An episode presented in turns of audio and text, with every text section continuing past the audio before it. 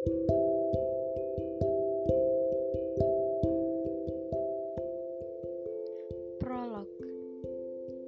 Mari kita lanjutkan kisah yang amat panjang itu.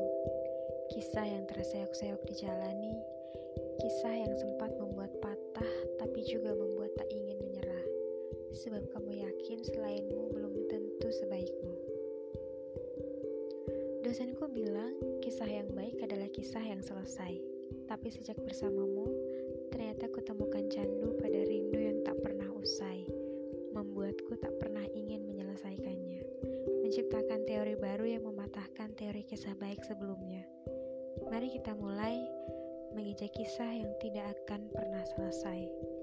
Bekasi, 7 Maret 2019, Jemarian Dalemi. thank you